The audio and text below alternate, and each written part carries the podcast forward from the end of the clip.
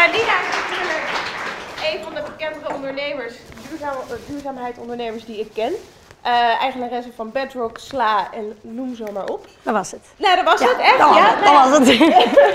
en uh, ja, ik heb het boek, ik heb Bedrock zelf. Ik lees er graag in, ik, het inspireert me. En ik krijg elke keer wel een stukje een gevoel dat ik ook iets, Iets moet doen. bijdragen. Ja, dus dat ik even die knop moet omzetten en even mijn best moet doen. Dankjewel, dank je. Kan iedereen mij horen zo? Ja. Ik doe het even zo, want ik heb volgens mij, zoals uh, meer mensen hier, uh, de griep.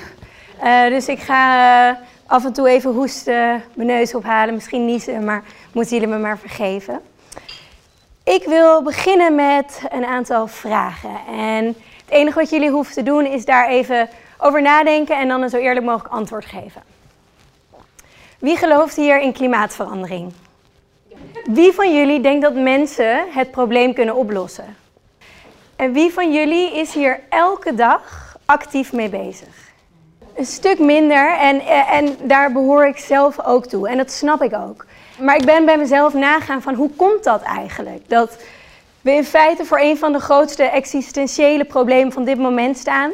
En dat er tegelijkertijd zo weinig mensen echt verantwoordelijkheid nemen. Er echt actie in ondernemen en daadwerkelijk erover praten. Ik denk dat een van de redenen uh, komt omdat het zo'n ontzettend ongrijpbaar probleem is. Uh, klimaatverandering laat zich totaal niet isoleren. En alles hangt met elkaar samen. Dus wat wij hier in Nederland doen, heeft te maken met wat we in China doen. Is verbonden via de lucht, via het water, via ons voedsel. En allemaal, ik, uh, wij, zij, zijn onderdeel van dit enorm complexe geheel. Dus wat hebben mijn acties dan in hemelsnaam voor zin in het grotere geheel? Misschien zijn het ook wel de feiten. Hoewel ze aan de ene kant voor het oprapen liggen, zijn ze misschien bij veel mensen ook nog niet bekend. Want als je zou weten dat de afgelopen 30 jaar de ijskappen van de Noordpool met meer dan de helft uh, is gesmolten en we door de verwoestijning en de stijging van de zeespiegel al miljoenen uh, migranten hebben, dan kom je vandaag nog in actie. En als je weet dat we in de zesde grootste uitstervingsgolf van de historie van onze planeet zitten, dan ga je wat doen. Um, wetenschappers zeggen dat over 40 jaar Afrika nagenoeg onbewoonbaar is. En dat betekent dat er 150 miljoen extra klimaatvluchtelingen zullen zijn. En als we zo doorgaan, dan zal in 2020, ik bedoel dat is al over twee jaar, de biodiversiteit, de globale biodiversiteit met 67% zijn gekelderd. Daarbij komt dat we eigenlijk in Nederland in een land leven waarin we nog relatief weinig te maken hebben met klimaatverandering. Volgens een onderzoek van Houston University blijkt dat mensen in een oordeel over klimaatverandering eerder geneigd zijn om hun daadwerkelijke omgeving en hun, zeg maar, hun, hun directe ervaring te plaatsen boven eigenlijk de wetenschappelijke onderzoeken. Dus mensen die het niet meemaken in hun dagelijkse leven, die zullen eerder geneigd om te zeggen, oh weet je, het zit wel, het komt wel goed. Um, het is eigenlijk nog helemaal niet zo aan de hand. Maar als je bedenkt dat we tussen 1850 en 2000 1050 gigaton CO2 hebben uitgestoten, dat is dus in 150 jaar. En de afgelopen 15 jaar, van 2000 tot 2015, hebben we 500 gigaton CO2 uitgestoten. Dat is dus de helft toename. En volgens onderzoek blijkt dat we 325 gigaton meer uitstoten. Volgens de Club van Rome hebben, uh, volgens hun berekeningen schijnt dat Amsterdam tot kniehoogte onder water komt te staan. Dus het komt allemaal dichtbij. Misschien is het ook juist de angst, de enorme angst voor de gevolgen van klimaatverandering, die ervoor zorgen dat we onze ogen sluiten. Uh, Lieke Marsman, uh, een van mijn favoriete auteurs, weet dat heel pijnlijk uh, en tegelijk mooi te verwoorden in haar roman. in haar roman Het tegenovergestelde van de mens. Natuurlijk, ze schrijft daarover, natuurlijk. Je zou het feit dat het de mens is gelukt haar eigen leefomgeving naar het randje van de afgrond te duwen, als bewijs kunnen zien voor hoe machtig we wel zijn. We kunnen nu zelfs het klimaat beïnvloeden. Maar dan moet je tegelijkertijd toegeven dat we een probleem hebben gecreëerd waarvoor we misschien wel geen oplossing kunnen vinden. En dus zetten we ons af door al die zwijgende natuur om ons heen te vernietigen. Als een wanhopige geliefde die maar niet wordt terugge-sms'd en het in het café op het zuipen zet. De vraag is naar mijn idee niet meer, moeten we de gok wagen dat het allemaal wel meevalt? Dan kunnen we dat eigenlijk beter noemen onze kop in het zand steken. Een drastische verandering in onze levensstijl is nodig om de aarde te redden. En een duurzame leven is noodzakelijk. Want als we zo doorgaan, dan blijken we volgens de berekeningen in 2050 vier aardes nodig te hebben om überhaupt te kunnen overleven. En dat is allemaal vrij heftig en geen leuk nieuws. Maar het mooie eraan is dat wij de oplossing in handen hebben. En het begint allemaal met de intentie van één enkele individu. En het nog betere nieuws is dat wij als mediavrouwen nog zoveel meer macht in handen hebben. Het werd net ook al gezegd. Um, we weten allemaal hoe vormend en bepalend de media kan zijn. En daarin ligt, vind ik, voor ons eigenlijk een geweldige kans. We kunnen kennis verspreiden, bewustzijn brengen, het goede voorbeeld geven en inspireren. Maar dat moeten we wel doen. Wat moeten we doen om die intentie te, te, vergroten, om daadwerkelijk in actie te komen? Het gaat volgens mij aan de ene kant om te weten wat zijn de feiten. Maar aan de andere kant hebben we het ook nodig om het persoonlijk te maken. We moeten het probleem persoonlijk maken en daarnaast moeten we weten wat zijn de oplossingen, wat kunnen we daadwerkelijk doen. Nou, de feiten, daar hebben we het vandaag ook al een beetje over gehad en dat kan je op allerlei manieren tot je nemen. Maar hoe maken we zo'n ongrijpbaar probleem eigenlijk persoonlijk? Uh, redelijk onmogelijke kwestie. En gelukkig heeft iemand dat voor ons gedaan. Babette Porcelein heeft met haar boek De Verborgen Impact en onderzoeksbureau CEE Delft een onderzoek laten uitvoeren om te kijken, oké, waar ligt eigenlijk de impact van een gemiddelde Nederlander? Hoe groot is die? En het blijkt dat als iedereen over de hele wereld zou leven zoals wij in Nederland doen, hebben we inderdaad 3,5 aarde nodig. Zij heeft ook een test laten maken. Ehm, die kunnen we vandaag natuurlijk niet doen, maar ik zou jullie wel allemaal willen vragen om hem thuis te doen. De verborgenimpactwijzer.nl. En wat je daar doet, je vult eigenlijk in hoeveel vlees je eet, hoe vaak je vliegt, wat voor een transport je gebruikt, hoeveel spullen je koopt, hoe je in je huis ook omgaat met eh, de energie en het water. En daaruit rolt dan eigenlijk een getal, uh, hoeveel aardes er nodig zouden zijn als iedereen zou leven zoals jij. En terwijl ik mezelf als wel een relatief duurzaam persoon beschouw, kwam er bij mij ook best wel een shocking uh, cijfer uit. Dus persoonlijk maken. Um, daarnaast gaat het ook om weten hoe we het kunnen oplossen. Babette heeft ook met de CE Delft gekeken waar zit nou daadwerkelijk de meeste impact die we maken. En uit haar onderzoek kwam eigenlijk een top drie. Uh, en dat zijn spullen, vlees en uh, transport. En als we bijvoorbeeld alleen al kijken naar uh, vlees. Vlees is verantwoordelijk voor 66% van de hele milieu-impact van de voedselketen. Daarnaast is, heb je melk en eieren voor 9%, alle drinken voor 12% en al het overige eten 5%. En dat zijn best indrukwekkende cijfers, want als je daarover nadenkt, wat zou er bijvoorbeeld gebeuren als iedereen zou overstappen op een plantaardig dieet? Hoe, wat voor een enorme stappen kunnen we maken? En het geeft mij ook heel veel kracht, die gedachte, dat je dus met de keuze op je bord al een enorme impact kan maken. Maar het zit hem ook in andere dingen. Kiezen uh, hoe je vliegt en hoe je het natuurlijk compenseert. Nou, we, we, weten het ergens ook wel, maar door het zo uh, praktisch voor je te hebben, zoals in dat boek van Babette Porcelein, die je echt handreikingen geeft, uh, kun je er ook mee aan de slag. Nou, we leven in een land waar iedereen het lekker zelf moet weten. En als je denkt het beter te weten, dan wordt dat vaak als bedweterig of arrogant gezien. Maar als ik alle feiten naast elkaar leg en echt even stilsta bij de huidige status, zoals sommige mensen het nu ook noemen, niet meer klimaatverandering, maar klimaatontwrichting, dan begin ik eigenlijk wel bij mij het idee te dagen dat we het allemaal niet meer zelf moeten weten. En ik vraag jullie niet om allemaal in één keer irritante idealisten te worden of heilige wereldverbeteraars. Dat mag wel, want sommigen zijn het al. Die nooit meer vliegen, die alleen maar plantaardig eten, die volledig minimalistisch leven. Want uh, ik snap ook, en dat heb ik zelf ook, duurzaam leven is een proces. We hoeven niet 100% goed te zijn of 100% het goede te doen voordat we besluiten om in actie te komen en het te delen. De beste coaches zijn ook niet per se de beste voetballers, zegt mijn moeder altijd. Bewuster leven kan zeker ook absoluut nog steeds hand in hand gaan met make-up tutorials en Instagram selfies en hilarische columns over onze relaties of interviewgesprekken met bekende Nederlanders over hun nieuwste romantische comedy. Maar laten we in ieder geval wakker worden en het probleem onder ogen zien.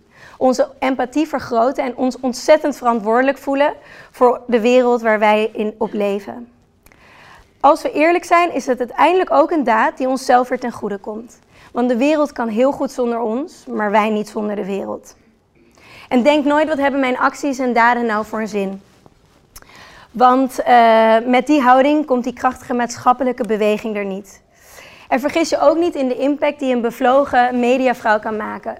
Ik zie ons als vlinders met een slagkracht die de wereld overreikt. Ze zeggen ook wel eens women equals future. Laten we dat ten volste gaan waarmaken.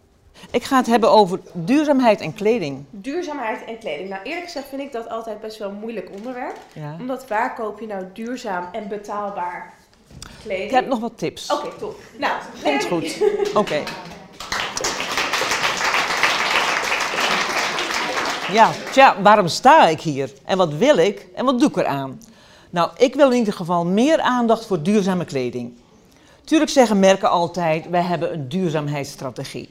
Maar mijn stelling is, de textielketen is nog lang niet duurzaam genoeg.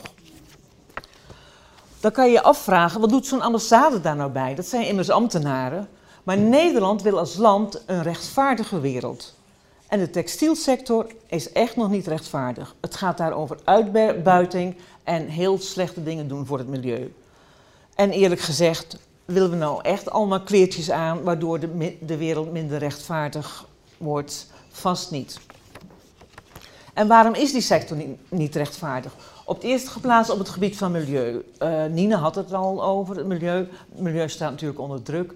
En in de textielsector heb je bijvoorbeeld heel veel water nodig om één kledingstuk te maken. Voornamelijk jeans, die zuipen water, om het zo maar te zeggen. Het kan ook anders, je kan het ook met een half glaasje water doen, maar voorlopig zuipt het water.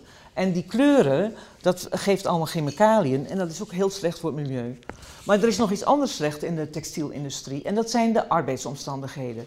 Heel veel mensen werken voor een hongerloontje, of in ieder geval niet genoeg om een gezin van te eten te geven en dat is niet goed. Uh, Nederland heeft er wel veel al aan gedaan. Ik woon in Bangladesh. Jullie weten allemaal het Rana Plaza verhaal. In 2013 is een grote fabriek ingestort. Waar ze ook kleren voor ons maakten. H&M, de HEMA, die zaten er allemaal. Die fabriek is ingestort en er zijn 1100 mensen, voornamelijk vrouwen, doodgegaan. Sinds 2013, ook door ons werk, eh, zijn, is de brand- en uh, bouwveiligheid van die fabrieken een stuk verbeterd. De exportfabrieken, dus fabrieken die voor de HEMA, al die. Ik, ik lijk wel uh, van de HEMA, maar. voor de HEMA en HM uh, iets maken, die zijn gewoon echt, die zijn echt behoorlijk, die zijn echt fatsoenlijk. Op het milieu hebben we ook al heel veel stappen gezet, maar daar zijn we echt nog lang niet. En op het gebied van lonen, nou, de lonen zijn ondertussen wel verdubbeld, maar die mogen nog verdrievoudigd worden voordat er een leefbaar loon in zit. Dan kom je op het, op het punt van living wages. En we willen ook eigenlijk, als we dan toch bezig zijn, ook meer vrijheid voor vakbonden, zodat mensen zelf kunnen vertellen wat ze willen. Want waarom vindt Nederland, de Nederlandse overheid, duurzame textielsector in Bangladesh van belang? Nou, vanwege die Rana Plaza. Toen heeft onze toenmalige minister, minister Ploemen, gezegd: nu is het genoeg, we, we moeten nu iets doen. En zij heeft heel veel uh, aangezet, heel veel verricht om zo'n heel proces op gang te krijgen, om het beter te maken. Want uiteindelijk is dat lastig, want het draait natuurlijk altijd om geld. En waarom Bangladesh? Nou, 20% van alle kleding die je in Nederland koopt, plus huishoudtextiel, dus handdoeken en zo, komt allemaal uit Bangladesh. Nou is natuurlijk logisch waarom dat uit Bangladesh komt. Het is goedkoop en de kwaliteit is heel redelijk. En waarom is het goedkoop? Ja, omdat mensen heel weinig verdienen. Dus omdat wij er ook profijt van hebben, vinden wij als Nederlandse overheid dat er daardoor een gedeelde verantwoordelijkheid is. wij vinden het prettig dat het allemaal zo goedkoop is, maar dan moeten we ook iets doen.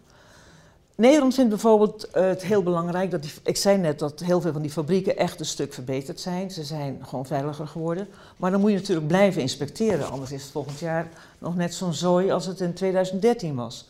Dus wij helpen een heel systeem van inspecties opzetten, op te zetten wat Bangladesh zelf kan doen. Dus we trainen inspecteurs en we zorgen dat ze dat op een goede manier doen. We proberen ook corruptie tegen te gaan, want wat is makkelijker dan het op een akkoordje te gooien met de fabriekseigenaren te zeggen van als jij me nou dit schuift, hè, dan zeg ik wel dat jouw fabriek in orde is.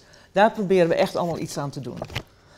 Vergeet niet, het is voor Bangladesh heel belangrijk. En dat is voor ons ook het goede punt, want daardoor kan je, helpen, kan je zeggen van doe nou mee. Het is, de kledingindustrie geeft 80% van alle inkomsten uit de export. En dat is natuurlijk heel veel. Wat ik zelf ook heel belangrijk vind is, uh, de textielindustrie is belangrijk voor de verbetering van de positie van vrouwen.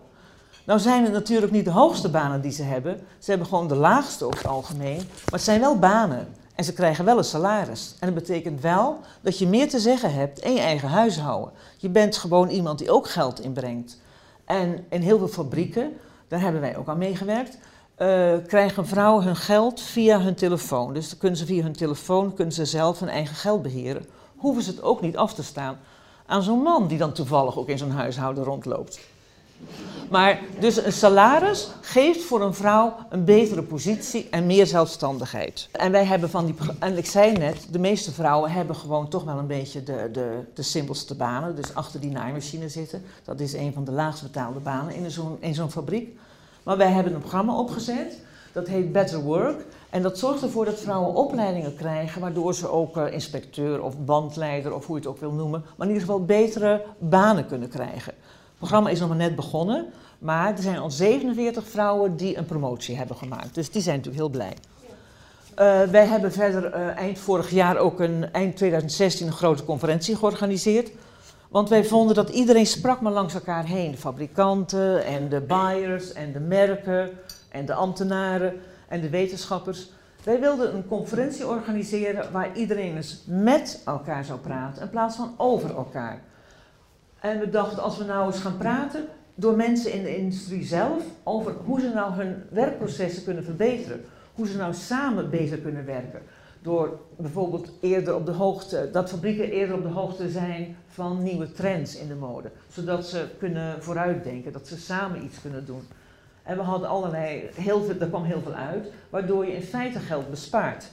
En die, dat geld kan je weer inzetten. Maar je begrijpt het al, iedereen praat altijd over duurzaamheid, ook in de mode, maar niemand wil het betalen. De fabrikanten zeggen, ja dag, wij hebben al branddeuren en betere trappen en betere ventilatie en meer salaris. Doen jullie maar eens wat. En ik moet erbij zeggen, het is wel een beetje sneu, maar na 2013 betalen de, de, de merken en de inkoophuizen, die betalen nog geen cent meer voor een t-shirt of een rokje of een wat dan ook. Niets. Die fabrikanten, die heus niet zielig zijn, want die hebben er ook goed van geleefd, maar die worden wel een beetje uitgeknepen. Ze betalen niet, want ze hebben een machtspositie. En wij vinden dat uh, niet een hele evenwichtige zaak, dus daar proberen wij iets aan te doen. Of tenminste, wij proberen te zorgen dat zij er zelf iets aan doen. En dat iedereen zijn uh, eigen verantwoordelijkheid wil nemen. Want net wat ik zeg, iedereen wil het wel, maar niemand wil het betalen. En dan kom ik bij de uiteindelijke betaler, de Nederlandse consument. De Nederlandse overheid probeert ook via allerlei convenanten, op het, ook op het gebied van textiel en meer transparantie, er iets aan te doen. En, uh, maar in Nederland houden we toch ook van lage prijzen. Dan moet ik er wel bij zeggen, en dat beantwoordt jouw vraag ook, het is niet zo, hoe duurder het kledingstuk is, hoe duurzamer het gemaakt is. Ik ken echt hele dure merken en die, echt, die vragen hele hoge prijzen, maar die, die plegen geen duurzame productie. Uh, goedkopere merken, net als de HEMA en uh, H&M, die produceren echt redelijk, uh, redelijk schoon. Het kan natuurlijk altijd nog beter, maar die doen het best heel redelijk. Wat ik jullie ook aanraad om te doen, als je iets wil kopen van een kledingmerk, ik raadpleeg altijd Ranker Brand. Weet je of jullie dat kennen? Nee, Nou, dat typ je gewoon in, google je Ranker Brand en dan typ je merk in uh, wat je wil kopen en daar staat iets op. Uh, een bepaald merk wat ik graag draag, die heeft zo'n criterium erbij van. Wat is dat dan? ja. ja, ik ben een, ja, niet jullie leuke merken, ik ben al wat van een andere categorie. Maar daar staat bij, ze zijn er nog niet, maar ze doen hun best. Nou, dat vind ik oké. Okay. Maar als erbij staat, en die kleren had ik ook had ik gekocht, waarbij stond, ze vertikken het om er iets aan te doen. Nou, dat koop ik dus niet meer. Nee, nee. Dus Rijkenbreid kunnen jullie allemaal doen. Dus wat willen we nu vandaag aan tafel? Kijken, uh, wat, wat, was mijn stelling op me weer? Ja, uh, de keten is nog lang niet duurzamer genoeg. Ik heb dan nog even een vraag tussendoor. Ja? Ja, hoe, uh, hoe, kunnen wij als mediavrouwen helpen? Want we Nou. weten wat de Nederlandse ambassadeur Nou. moet doen, of ambassade, of eh, duurzaamheid, dus waar de brand kunnen we bekijken. Maar wat zouden wij nog Nou, kunnen doen? best veel. Eh, je kan mensen opro- oproepen om bijvoorbeeld te kijken op Rank a Brand. En wij hebben zo'n textiel, of wij, ja, Nederland heeft zo'n textielconvenant afgesloten. Dat, heb- dat was op 1 juli Dus dat is 2016 ook heel erg geloof in ik. Ja, precies. En daar verplichten merken en allerlei organisaties. eh Fair Wear is daar ook bij betrokken bijvoorbeeld. Eh, die verplichten die bedrijven om aan te geven waar ze pro- produceren. Dus in welke fabrieken, waar dan ook in de wereld. En dan moeten ze ervoor zorgen dat het daar beter gaat. Maar ja, ook daar geldt, ze kunnen wel zeggen tegen die fabrieken van... eh, eh, jullie doen het niet goed genoeg, maar ja, wie betaalt? Ja, ja. En waar we voor moeten oppassen, wat ik heel erg zou zijn, is wat wij noemen een race to the bottom. Weet je, dat bedrijven die gaan dan uit Bangladesh weg, want daar worden hogere eisen gesteld, want iedereen kijkt ernaar. Gaan ze naar een ander land, want daar kunnen ze weer heel goedkoop Goedkoop. beginnen. Dus dan ga je, heb je echt een race naar de bottom. En dat moeten we voorkomen. Dus wat, eh, wat zinniger omgaan met wat je koopt. Kijken waar het is en daar gewoon uiting aan geven. Ja. Een beetje hetzelfde als wat Nina net vertelde, maar dan op het gebied van kleding. Nou, Dankjewel.